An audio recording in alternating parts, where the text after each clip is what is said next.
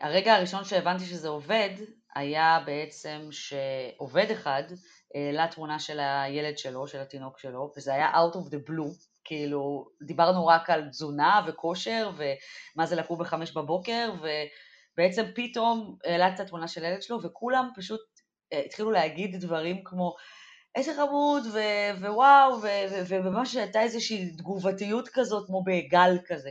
ובעצם זה גם היה הרגע שהבנתי שיצאנו מהמקום הפונקציונלי של הקהילה לקהילה אמיתית, זאת אומרת, קהילה כזאת אנושית, מה שנקרא, שיש בה רק אה, מחוברות.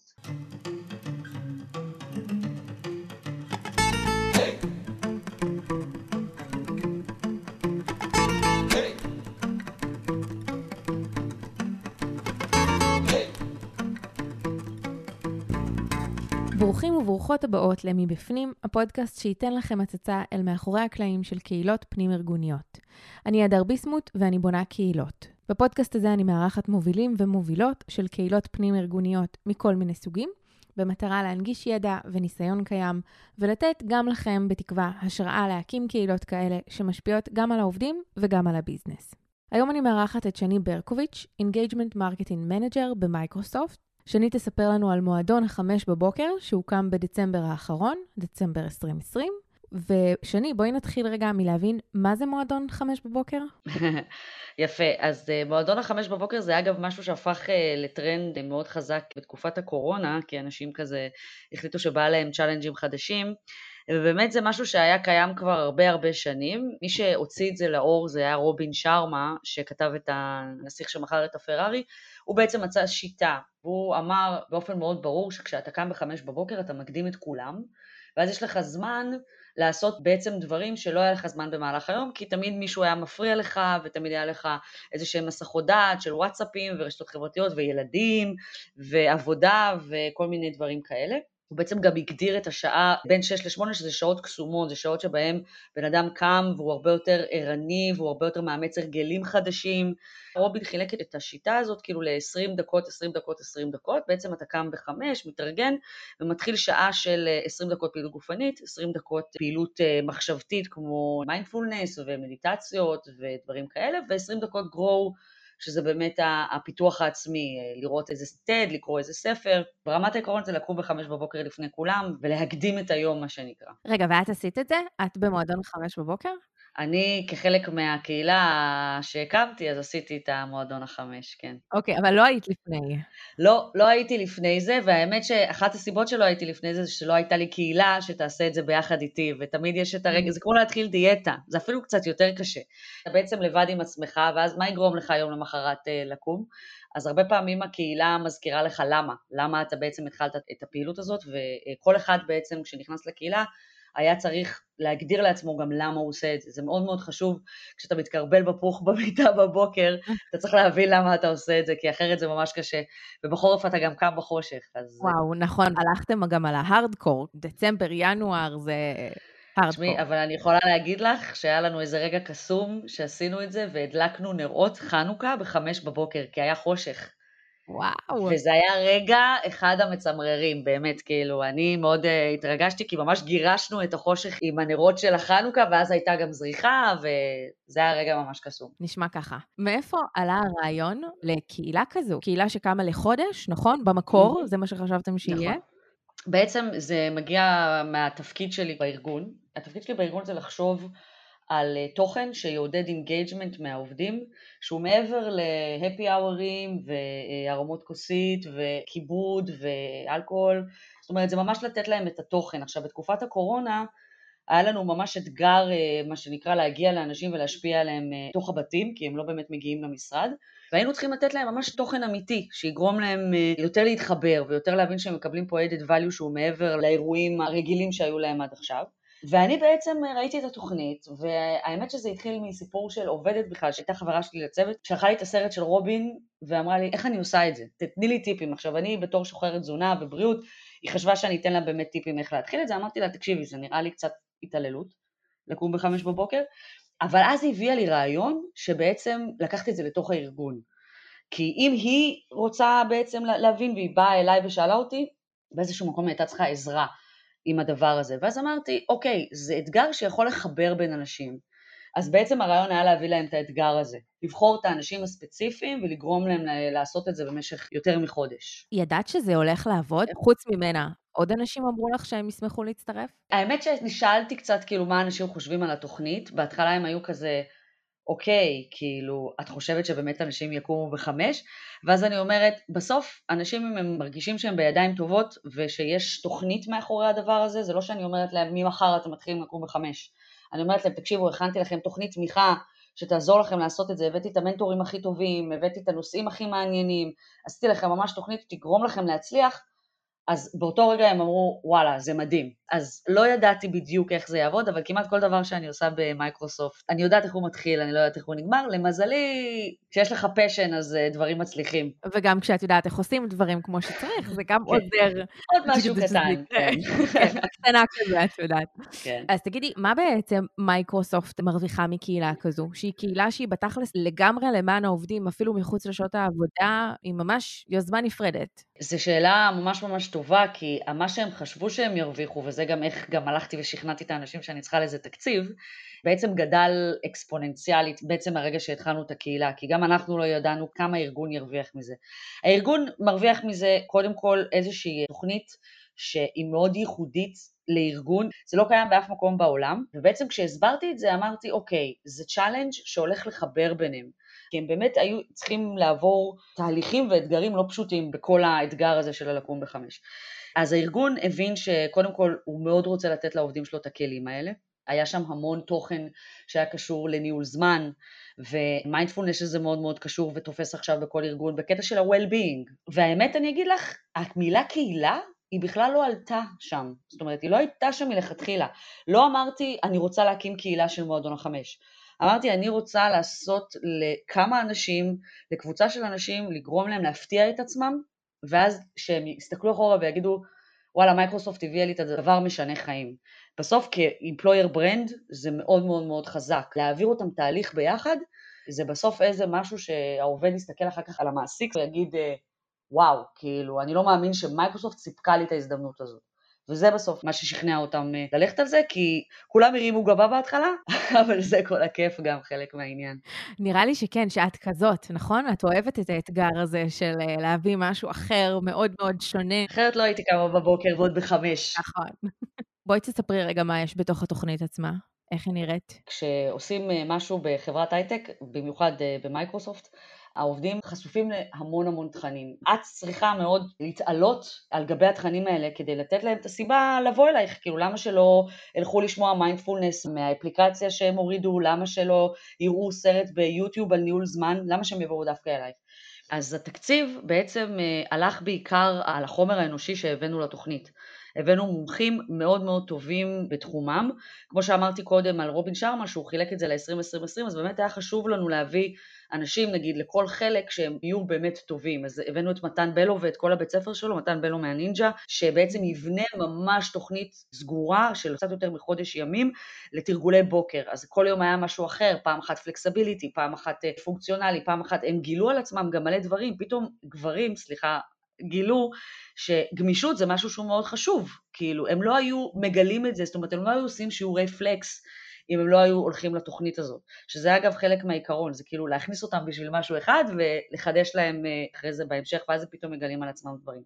כנ"ל לגבי אה, אה, ניהול זמן ומיינדפולנס, הבאנו באמת את האנשים הכי טובים שעושים את זה בארץ. עכשיו, גם היה לנו הזדמנות בגלל הקורונה, להתחבר לכל האנשים האלה, זאת אומרת, הבאנו גם אנשים מחו"ל שידברו איתם ויביאו את עצמם לשולחן, היה לנו חשוב לחלק את הקבוצה הגדולה של אנשים לשלוש קבוצות קטנות של 30 איש בערך, שלכל אחד מהם היה מנטור אישי, שהם התחילו איתה את הבוקר, איך היה לכם אתמול, איך היה לכם הקימה, הייתם עייפים, לא הייתם עייפים, זאת אומרת, היה שם המון תמיכה אנושית. מדהים. אז תגידי רגע, יש לכם את התוכנית, פנית למתן בלוי, אתם יודעים איך זה הולך לקרות, מה הולך להיות, אתם צריכים לשווק את זה עכשיו, נכון? נכון. פנימית. כן. אוקיי, בואי נדבר רגע על הרגע הזה. א', איך משווקים את זה, וב', מה עושים אם אין פניות, או יש יותר מדי פניות, או איך מסננים בכלל? האמת שזה מדהים שלא תיאמנו את השאלה הזאת, כי משם הגעתי בעצם, ממיתוג, משיווק, בגלל זה אני גם קוראת לזה engagement marketing, כי בסוף, איך אתה עוטף את כל הדבר הזה, זה מאוד מאוד חשוב גם לאיזה סוג אנשים מגיעים, ואיך אתה יודע אם רציניים מספיק, ואיך אתה יודע שהם לא סתם נרשמו. גם התהליך הרשמה לזה היה מאוד מיוחד. אז קודם כל עשינו לזה brand נפרד, קראנו לזה מן הסתם 5am Club, עשינו לזה ממש לוגו, גם הכנו ערכות, כל אחד קיבל בעצם סוואטשרט ממותג, שעון, ומרווה גם, יומן כמובן, מזרון אה, יוגה והכל כאילו נורא ממותג ומגניב. אז באמת עשינו ברנד והוצאנו תוכנית לשיפור עצמי, נורא נורא התרכזנו על מה הבאנו עבורכם, מה עשינו עבורכם ואיזה תוכנית בנינו ושהכל יהיה סגור, הכל כדי שתגשימו את החלומות. אגב, גם רובין עזר לנו פה לא מעט, הבאנו גם את הספר שלו בערכה. הציטוטים שלו הובילו את כל התקשור והוא מאוד משכנע. הוא בא ואומר, אל תמשיכו לחיות את החיים הבינוניים שלכם, בואו תהיו מצוינים, והמסרים האלה מאוד דיברו לאנשים שלנו. בזמן שאנשים אחרים חולמים, אתם יכולים כבר לעשות ולהצליח ולתכנן. אז בעצם הוצאנו איזשהו מיילר, ושילבנו את זה דווקא עם תמונות של אנשים שהם uh, סובלים שהם קמים. כאילו לא הלכנו ושיווקנו את זה תחת uh, מישהו שרץ בבוקר בזריחה, או איזשהו רגעי ניצחון, או דווקא הלכנו למקום היותר, כאילו אנחנו יודעים שזה משוגע לקום בחמש בבוקר, אנחנו יודעים שזה קשה, אנחנו יודעים שלא עשיתם את זה כנראה הרבה מאוד מאוד זמן, אם בכלל, אבל אנחנו אומרים לכם זה שווה את זה. ובאמת נרשמו יותר מ-200 אנשים, היינו יכולים לקבל רק אה, משהו כמו 75, היה לנו חשוב שכל אחד גם ירגיש שהוא מקבל יחס מהמנטור, זאת אומרת שזה לא יהיה איזה משהו מאס כזה שכולם, את יודעת, ועוד היה לי ויכוח עם המנהל שלי על זה, מאוד ארוך, למה אי אפשר לשים שם 500 אנשים, למה אי אפשר זה? אמרנו לו, תקשיב, זה תהליך זה הדין, כאילו, זה לא משהו שעכשיו אפשר להפיץ בהמון, זה לא איזה קורס אה, גידול אה, עציצים, למרות שגם זה צריך להקפיד מאוד. לגמרי, אנשים צריכים להרגיש באמת, אה, כאילו יש מישהו שמקשיב להם, ובתקופה הזאת, אגב, זה אחד הדברים שיותר עזר להם גם פתאום להבין שהם היו צריכים את זה. אני לא אוהבת לצטט אותו, אבל סטיב ג'ובס אמר משהו על האייפון, שלפעמים אנשים לא יודעים מה הם רוצים עד שלא מציעים להם את זה. ובאיזשהו מקום העובדים שלנו קצת לא כל כך ידעו שהם צריכים את התמיכה הזאת עד שלא הבאנו להם אותה. אז uh, בעצם התהליך, הם קיבלו איזשהו שאלון, ואחרי השאלון גם היה להם ראיון. כל התהליך הזה באמת, uh, היינו, רצינו באמת להכיר את האנשים ולשמוע כמה הם רוצים לעשות את זה. אנחנו ידענו מה הם הולכים לעבור, ובאמת הדרופ רייט שלנו היה מאוד נמוך, זאת אומרת, אולי אחד או שניים פרשו מהתוכנית. אבל תגידי רגע, אמרת שנרשמו מעל ל-200 עובדים, נכון? אז מה עושים עם כל ה-125 אה, פלוס שלא מתקבלים? איך בחרתם מתוכם את מי כן ומי לא? היו 200 אנשים שמילאו את השאלון, יותר מ-200 אנשים שמילאו את השאלון, קראנו את כל השאלונים של כולם, כן, ובאמת אה, אה, בחרנו מהם את הכי רלוונטיים. עכשיו, אתה יודע, זה, זה נורא נורא מצחיק, אתה שואל, כמה אתה מוכן לקום בחמש בבוקר, מ-1 עד 5, היו כאלה ששמו 2. אבל הם היו כנים, כאילו הם אמרו, וואלה, לא יודע כמה זה עכשיו, אוקיי, כל הכבוד, אז uh, זה חלק מהסיפור ואנחנו לא באמת יכולים לאפשר. אבל כן, עברנו בן אדם בן אדם, ניהלנו איתו שיחה לא ארוכה, של רבע שעה. האמת, היו שיחות uh, מרתקות, כי אנשים אמרו שהם צריכים את זה כמו אוויר לנשימה. שמישהו ייתן להם איזושהי מערכת, איזה משהו, לקום אליו בבוקר, זה תקופה סופר בעייתית לעובדי הייטק, אני יודעת שזה נשמע קצת כמו צרות בהייטק, אבל uh, פעם היה לנו את המשהו הזה שעצר את היום, היינו הולכים, היה איזה אירוע באמצע, היה איזה הרצאה, היה איזה פה, עכשיו כולם עובדים מהבוקר עד הערב, בלי ללכת להפסקת קפה ובלי בוא לקפיטריה וזה, אז התוכנית הזאת באה להם כזה ממש uh, טוב. זה נשמע שהשיחות האישיות האלה, אני יכולה להגיד לפחות מהניסיון שלי, שהרבה פעמים כשאני עושה שיחות אישיות, זה פשוט המקום לגרום לאנשים כאילו להיות all in. הם נדלקים על הרעיון, הם משתפים במה הם רוצים, הם פתאום קולטים מה הם היו רוצים. כאילו, יש בזה מין כזה תהליך של אה, מעבר לזה שהגשתי מועמדות, אני עכשיו גם ממש רוצה את זה כשאת מספרת את זה ככה. אגב, אמרת פה משהו מאוד מאוד נכון. אחד הדברים שלמדנו לעשות בכל תוכנית אה, שאנחנו עושים בחברה זה לשאול אותם מה הציפיות שלהם. לשאול אותם על ההתחלה, איך אתה חושב שזה יעבוד? מה, מה הציפיות שלך? זה נורא נורא נחמד, כי אתה גם, שזה גם אחד הדברים שאפיינו את התוכנית, שינינו אותה כל הזמן לאורך הדרך. החלפנו דברים, שמנו את זה לפני זה. אפילו היה איזה פעם אחת ששאלנו אותם מה אתם מעדיפים, איזה הרצאה אתם מעדיפים, אגב זה עשה engagement מטורף. לא לפחד כזה לשאול אותם, הם יודעים בסוף. יש איזשהו מחקר, דרך אגב, למה יעורר יותר engagement, אז זה תמיד זה שאלות שמאפשרות להם בחירה רחבה להשפיע, ממש, ולא רק איך נעשה את זה. כאילו, האם זה יהיה בשלוש או בארבע, אלא ממש, האם תרצו שזה יקרה, ואם לא, אז מה כן. נכון. זה גם ממש מאפיין קהילה. נכון. הם חלק מהבנייה של הדבר. הכי טוב זה לתת לדברים להתפתח, פשוט.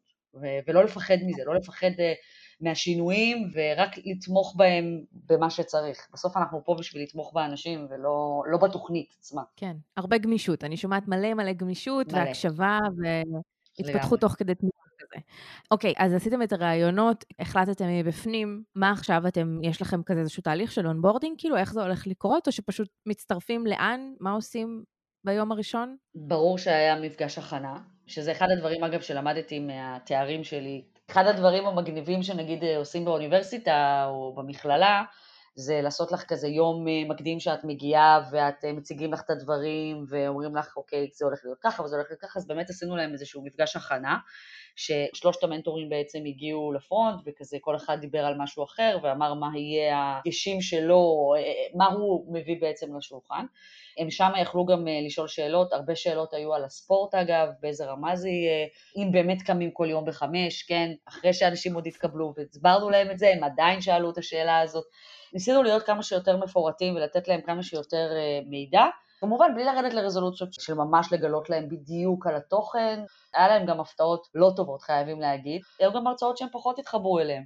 אגב, זה גם חלק מהיופי שהיה, פתאום הם התחילו כזה לדבר על התכנים, להרגיש נורא נורא בנוח בקבוצות וואטסאפ, לדבר על מה הם עברו היום בכלל, ואם זה היה טוב, הם התחברו או לא התחברו, ואם הם רוצים עוד מזה. כל התקשורת ביניהם הייתה בוואטסאפ? בעיקרון כן, זאת אומרת, אה, וואטסאפ זה כלי, לא כל כך נעים להגיד, אבל אה, אנשים שם הם קהל שבוי, כי יש להם שם את הקבוצות של הגן, ויש להם את הקבוצות של המשפחה, ואם יש להם את הקבוצה גם של המועדון החמש מעבודה, הם לא יכולים להתעלם מזה. עכשיו, זו גם הייתה אחת הקבוצות שהם התחילו לאהוב.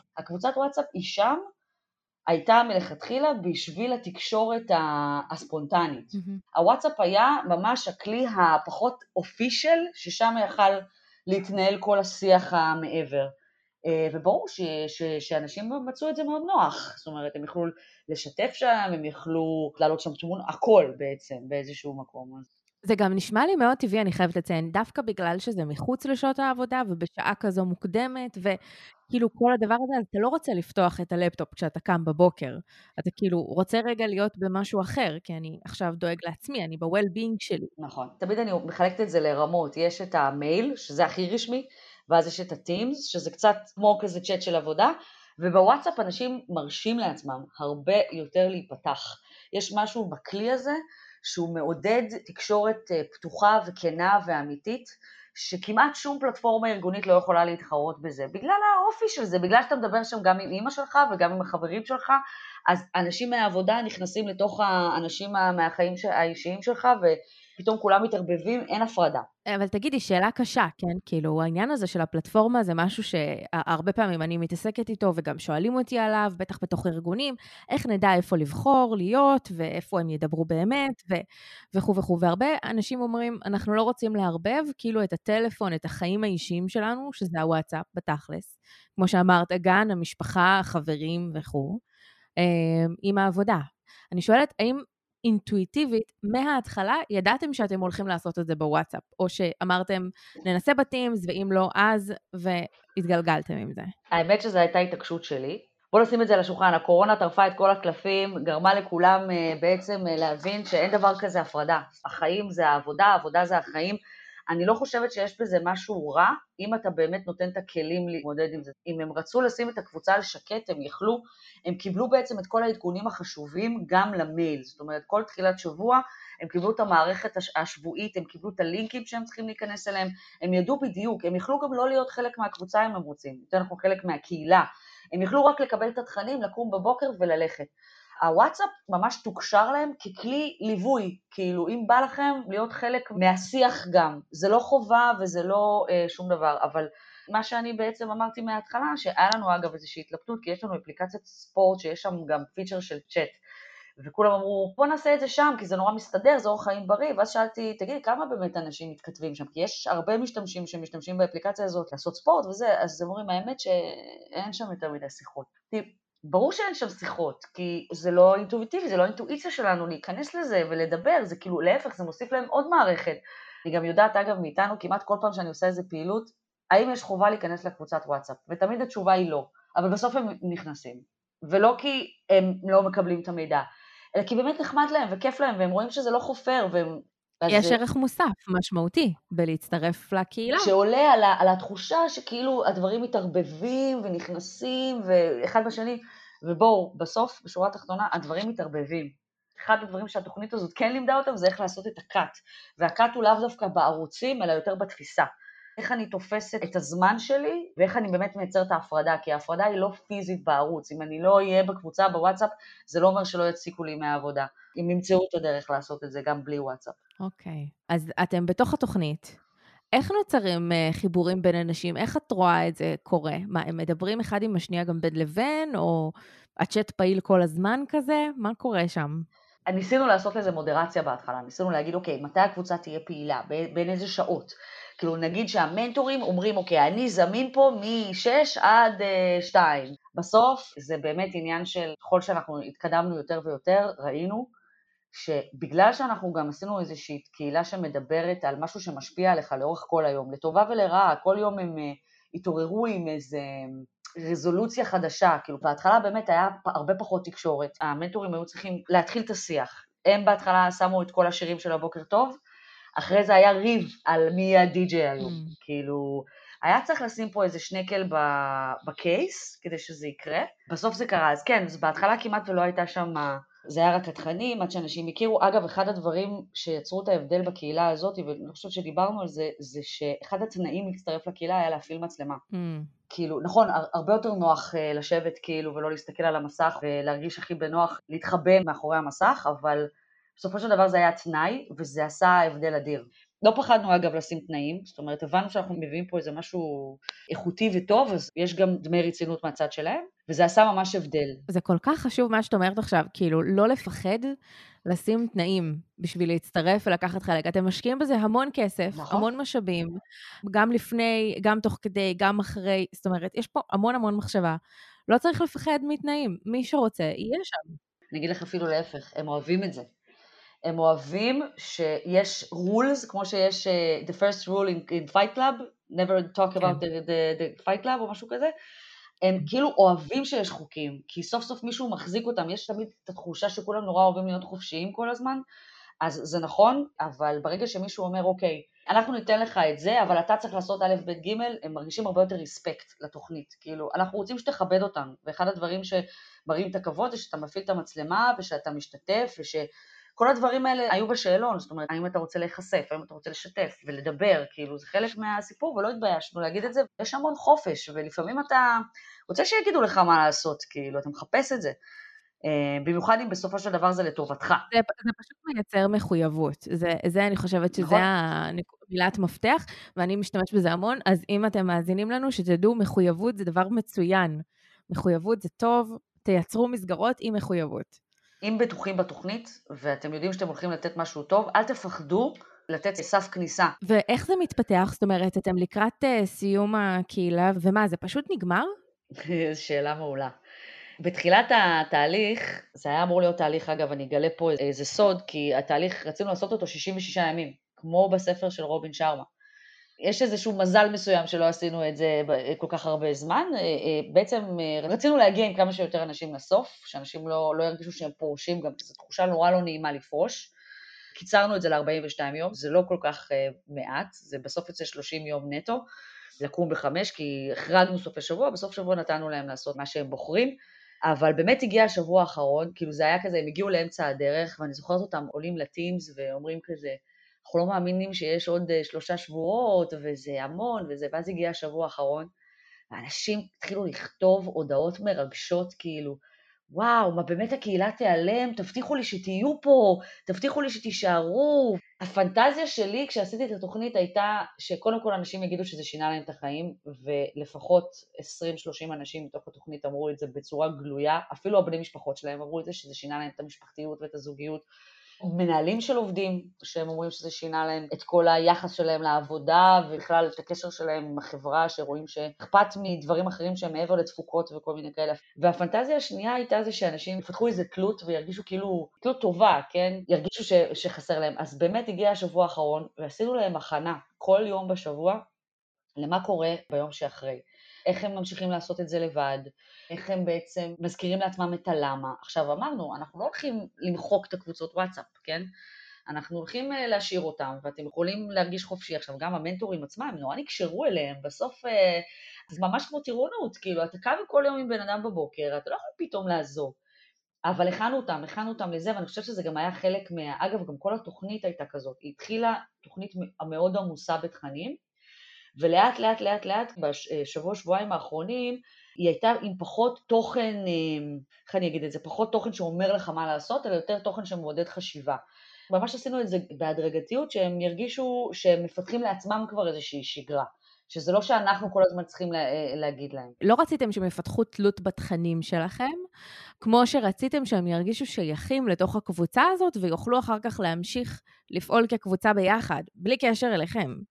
בדיוק. זאת אומרת, ברור שהתכנים היו ממש מכוונים שהם ידעו לפתח לעצמם את זה לבד, את השגרת בוקר, הרי בסוף כל התכנים שאנחנו הבאנו, הם יכולים להביא את זה לעצמם, מהאונליין, חופשי, כאילו.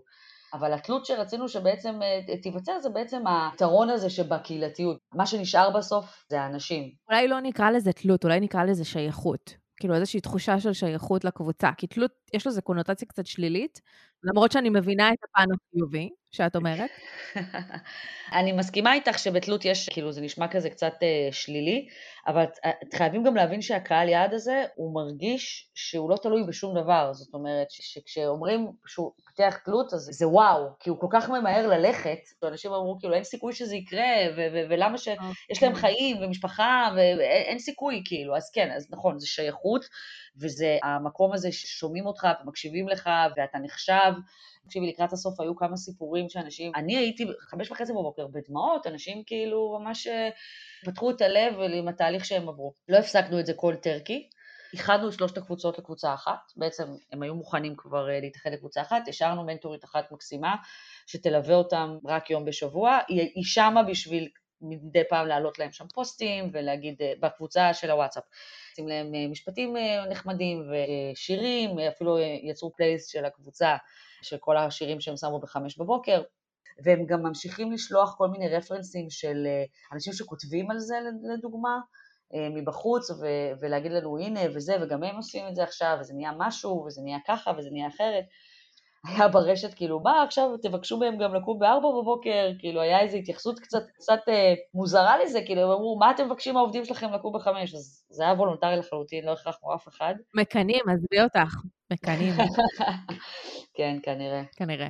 ועד היום זה ממשיך בעצם, זה ממשיך ממקום הרבה יותר, זה כאילו אנשים, אין פה בעצם איזשהו תחום עניין מסוים, שזה מה שכאילו נורא נורא יפה ומיוחד בקהילה הזאת, זה לא, הם לא התחברו כי הם אוהבים כולם אופניים, או אוהבים כולם לאכול במסעדות, או כולם נשים, או כולם גברים, יש פה חיבור על בסיס של אה, תהליך, ואני חושבת שזה, אחד הדברים שלמדתי זה שבקהילה צריך לעבור תהליכים ביחד, בין אם הם ארוכים או בין אם הם קצרים.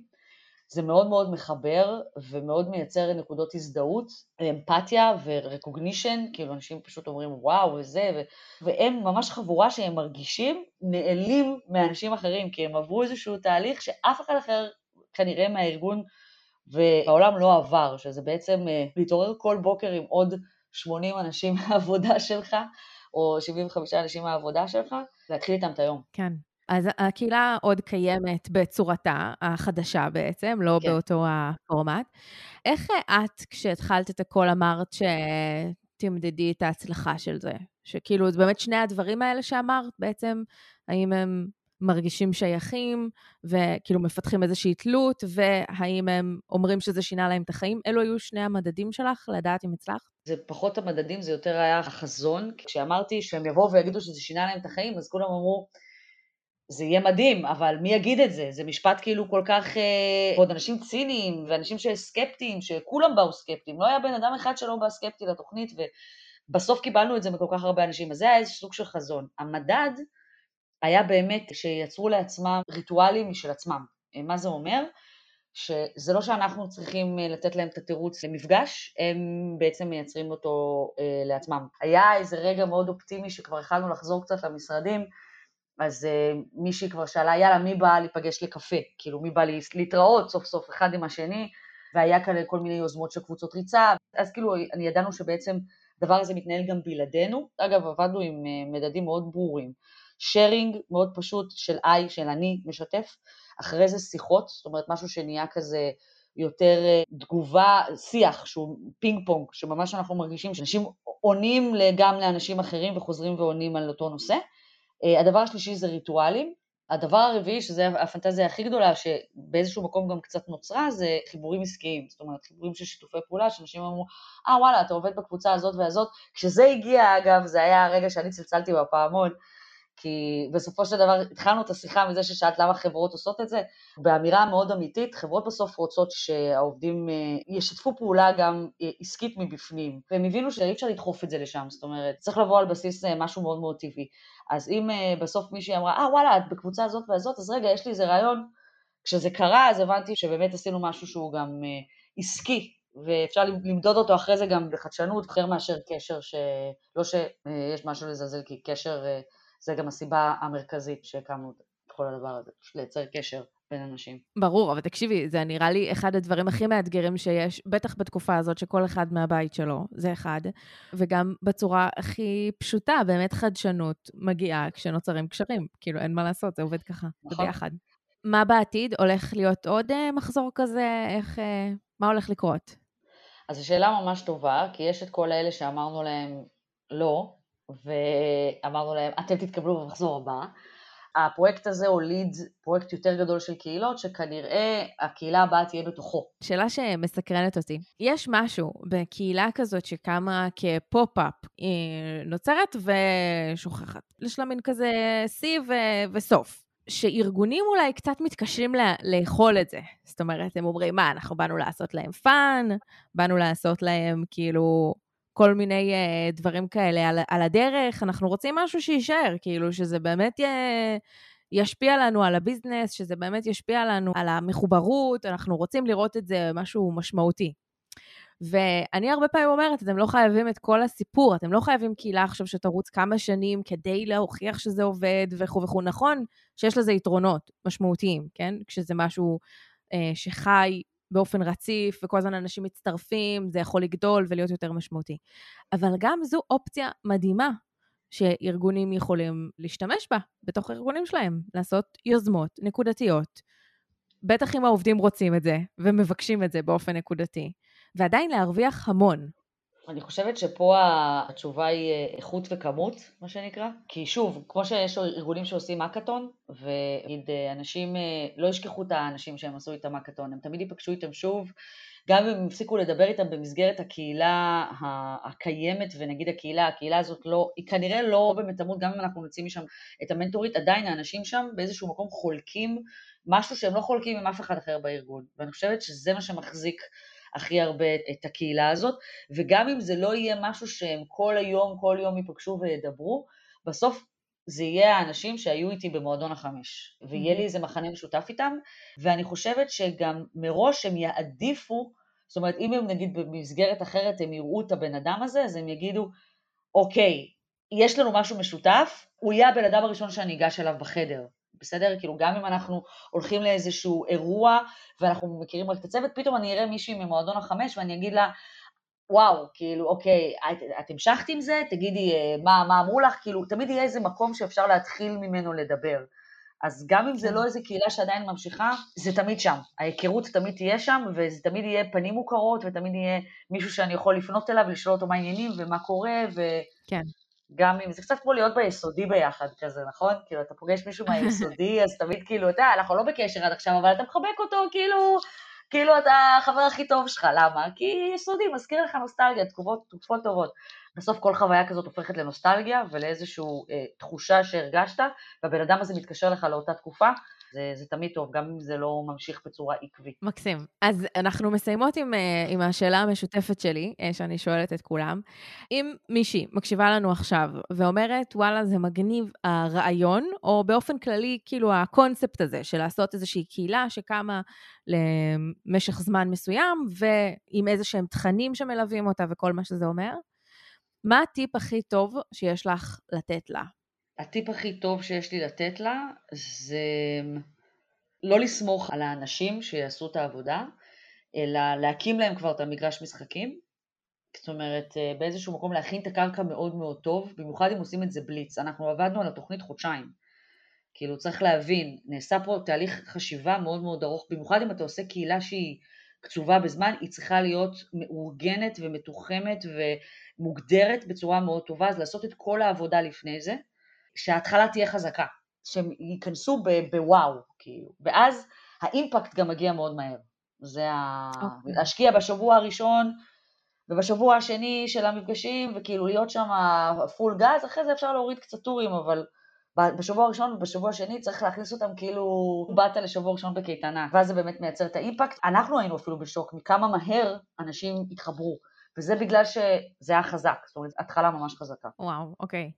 אה, עכשיו אני מבינה למה בקייטנה בשבוע הראשון לקחו אותנו לטוס בשמי הארץ. בבקשה. כאילו זה בואו ניקח אתכם לקצה, ואז ניתן לכם לשחק כזה עם הצבעים, עם החולצות. השוואה ממש טובה, כן. טוב, אז uh, שני, מה אני אגיד לך? אני נהניתי מכל רגע, uh, בא לי לעשות מלא קהילות כאלה, ואני מקווה שגם אתם תעשו עוד מלא כאלה במייקרוסופט, ונמשיך לשמוע עליהם. זה בדרך, זה בדרך, כן. אני, אני יכולה לסמוך עלייך, אני מרגישה. אז uh, תודה רבה על כל החלוקת uh, ידע המדהימה הזאת. אני מאוד מעריכה את הזמן ונהניתי מאוד. תודה, הדר, גם אני ממש ממש נהניתי. כיף לשמוע גם שיש uh, מישהו שמתעניין בדברים. אני חושבת שאנחנו הולכים לדור חדש של עשייה עבור עובדים, שהיא משתנה מאוד מאוד מאוד, ומי שלא יעלה על הרכבת. ועוד טיפ קטן, כאילו תוכן, תוכן, תוכן. להשקיע בתוכן, זה הכי חשוב שיש. אנשים מחפשים תוכן איכותי, אז אין מה לעשות, חייבים להשקיע בזה. נכון. זהו, היה לי ממש כיף. גם לי. תודה רבה רבה. ביי. ביי.